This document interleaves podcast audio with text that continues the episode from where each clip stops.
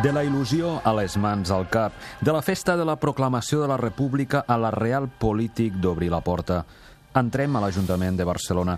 Quan Esquerra Republicana de Catalunya arriba a l'abril de 1931, les arques municipals hi ha tota una exposició de teranyines. El nou Ajuntament republicà està foradat econòmicament.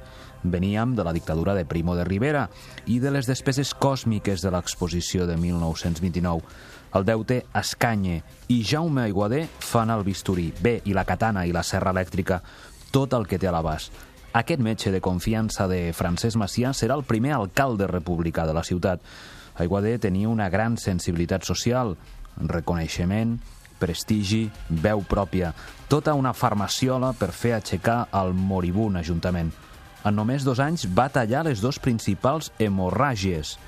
Frena l'especulació urbanística i enfile camí cap a la resolució del deute municipal. Vaja, va aturar el cop amb un electroxoc. Com ho va fer? Sí, tallant, serrant, però també escoltant. La d'Aiguada és la primera mostra de protogovern obert de la República.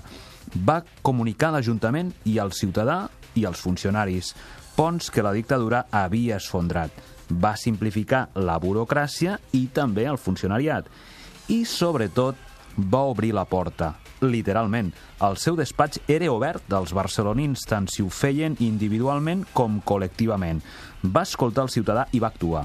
Van començar les grans obres, com les noves escoles, cases socials, estacions de metro, i sí, com no, a prop tenia un bon assessor, Joaquim Ventalló, periodista, que seria el seu tinent d'alcalde, home de prestigi, i el 1928 havia transmès el primer partit de futbol en català per ràdio.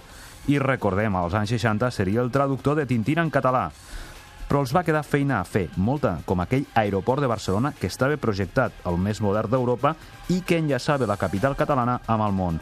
Un símbol d'aquell ajuntament que no es va enlairar, com la ciutat que ja no aixecaria cap fins a la rampa de llançament de la democràcia 40 anys més tard. Doncs sí, una història molt interessant com sempre. Doncs gràcies, Francesc Canosa, i ens retrobem d'aquí a no res.